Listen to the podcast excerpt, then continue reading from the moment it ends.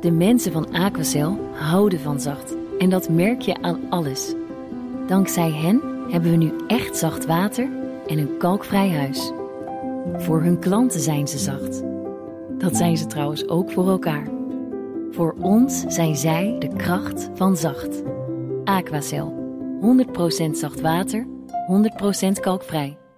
Dit is de Oekraïne Ochtend Update. Mijn naam is Geert-Jan Haan. En ik ben Bernard Hammelburg. We praten hierbij over de laatste ontwikkelingen in Oekraïne. En de gevolgen voor en de reacties van de buitenwereld. Je vindt deze podcast in je favoriete podcast-app. Ja, en dan een vredesplan voor Oekraïne. Dat moet nieuwe realiteiten erkennen, zegt Kremlin-woordvoerder Dmitri Peskov volgens het Russisch persagentschap Interfax. En dat gaat er uiteraard om dat ze zeggen: ja, weet je wat, wij de Donbass en de Krim, jullie de rest. We praten erover met onze buitenlandcommentator Bernard Hammelburg vanuit New York. Bernard, goedemorgen. Goedemorgen, Bas. Nou, dat is toch al wat, inderdaad. Dat, dat impliceert een beetje van, nou, we willen de Donbass houden en de Krim. En uh, daarnaast goed. Maar hoe is er gereageerd op die uitspraak vanuit Oekraïne? Ja, ja, de, de Oekraïne zegt dus dat is absoluut flauwekul en onaanvaardbaar. -hmm. um, en eigenlijk, als je, als je het, laat ik het omdraaien, van beide kanten leest wat ze zeggen... Ja. Dan uh, komt het erop neer dat ze van de andere partij gewoon capitulatie eisen voordat ze willen onderhandelen. Mm. Dus uh, Oekraïne zegt uh, eerst de, de Donbass en de Krim terug. En Poetin eerst voor een tribunaal en dan willen we wel eens praten. En de Russen zeggen ja, Lavrov heeft dat trouwens gisteren nog opnieuw weer een keer heel duidelijk herhaald. Uh, Oekraïne zal moeten accepteren dat, die, dat de Donbass is geannexeerd en de Krim ook. En dat blijft zo. Ja. En zolang ze dat niet uh, aanvaarden, valt er geen woord te praten. Sterker nog, Lavrov, dat leidt er alleen maar toe dat het wapengekletter zal toenemen. Want wij hebben geduld en we hebben de, de macht.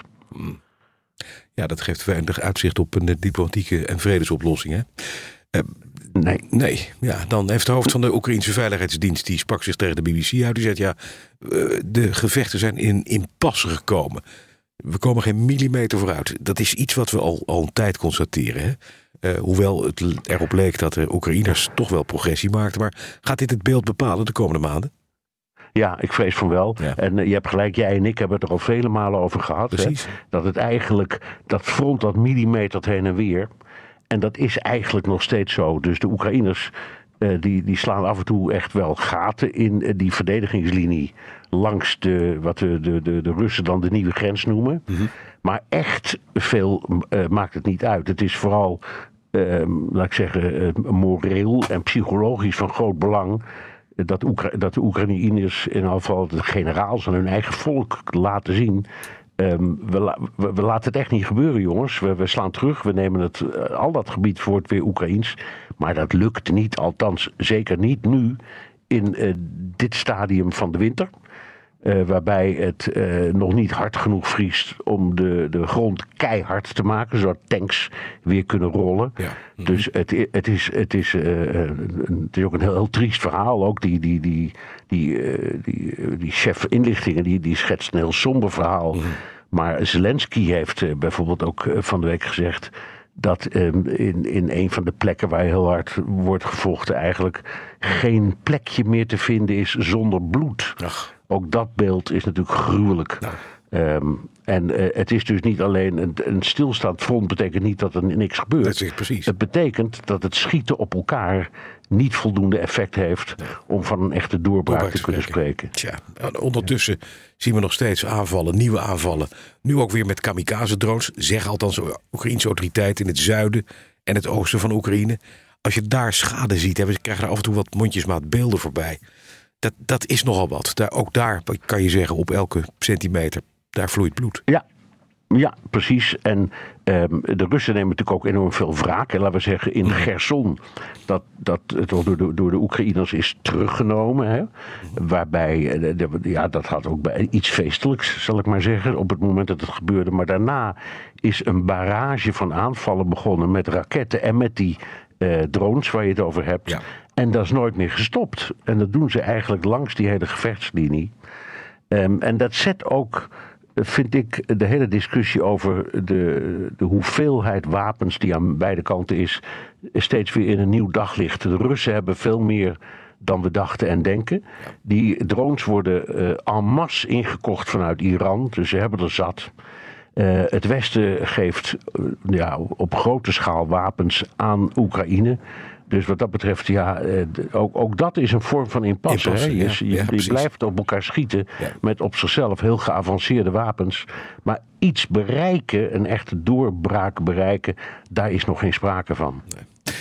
Dan nog even naar iets anders, Bernard Osmel. Verschillende media schrijven vandaag over een nieuwe uithaal die die Wagner-baas, dat huurlingenleger, meneer Prigozhin heeft gedaan naar de uh, Russische legertop, waar die uiterst kritisch op is. Hoe moeten we dat zien?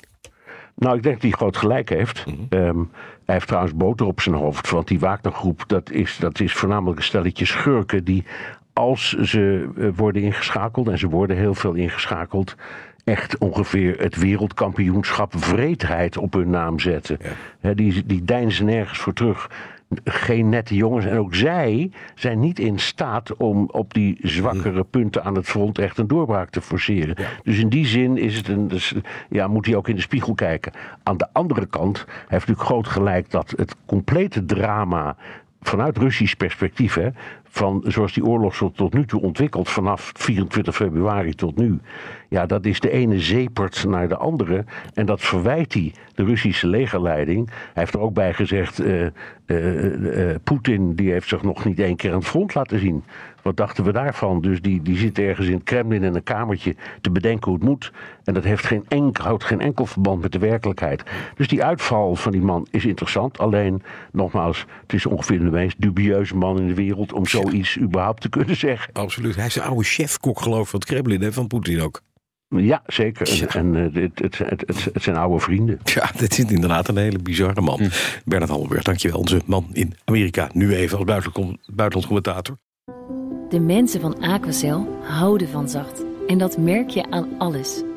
Dankzij hen hebben we nu echt zacht water en een kalkvrij huis. Voor hun klanten zijn ze zacht. Dat zijn ze trouwens ook voor elkaar. Voor ons zijn zij de kracht van zacht. Aquacel. 100% zacht water, 100% kalkvrij.